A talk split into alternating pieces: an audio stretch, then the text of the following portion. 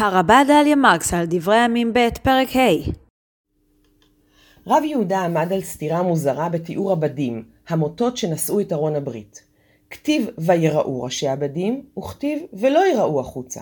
והוא שואל, הכיצד נראין ואין נראין? מצד אחד כתוב ויראו, ומצד שני כתוב ולא יראו. כך בבבלי יומא נ"ד עמוד א'. תשובת הגמרא מפתיעה ונועזת למדי. דוחקים ובולטים, כן, הבדים, ויוצאים בפרוכת ונראים כשני דדי אישה. כשם ששדי אישה ניכרים מבעד ללבושה, אבל אינם נראים ממש כלפי חוץ, כך הפרוכת מסתירה את בדי הארון, אבל הם נראים מבעדה. וכאן מביא התלמוד את דבריו של רב קטינה.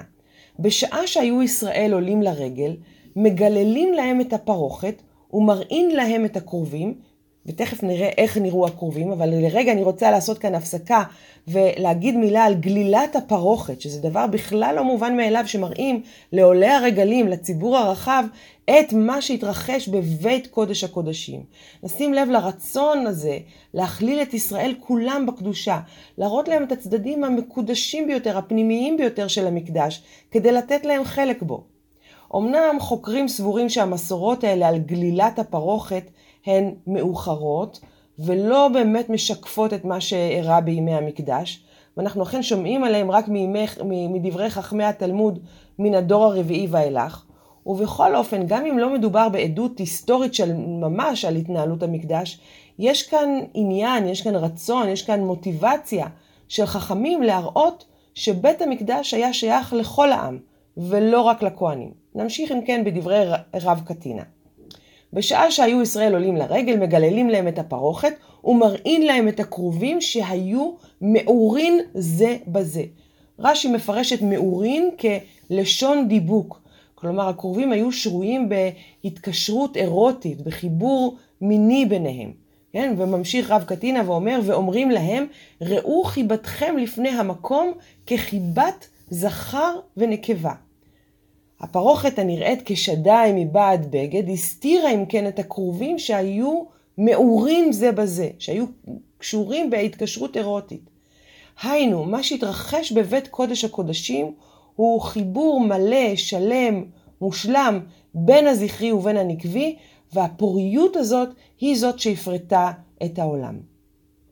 על חשיפת קודש הקודשים בפני עולי הרגלים, אמר רב נחמן, משל לכלה, כל זמן שהיא בבית אביה, צנועה מבעלה. כיוון שבאת לבית חמיה, אינה צנועה מבעלה. כלומר, היא, היא, היא, כאשר היא באה לחיות עם הבן זוג שלה, היא כבר, היא כבר גלויה בפניו, היא כבר לא צנועה ממנו. והדימוי הזה של יחסי ישראל והקדוש ברוך הוא כיחסי חתן וכלה אינו נדיר במקורות שלנו.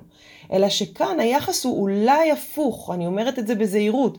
אולי מכמני המקדש המייצגים את האלוהות במשל הזה של רב נחמן, מדומים לכלה, ואילו ישראל שבאים לראותם, מדומים לחתן, כן? וכאשר יש את הפגישה ביניהם במקום, במקום הקודש, אז הכלה אינה צנועה והיא חושפת עצמה בפני החתן, שהוא ישראל שבא לבקר אותה. החורבן מתאר את הפרת החיבור המקודש הזה, אבל זה כבר נושא אחר. רק נזכיר כאן שבית קודש הקודשים, המקום המקודש ביותר בעולם, המקום שתחתיו, לפי המסורת שלנו, נמצאת אבן השתייה שממנה הושתת העולם, המקום שמחבר את שמיים וארץ, הוא מקום שבו פועמים החיים, מקום שבו מתקיים החיבור היסודי ביותר והפורה ביותר. המקום הקדוש ביותר הוא מקום של האהבה העזה ביותר, של תשוקה ושל חיבור אירוטי קמאי אדיר.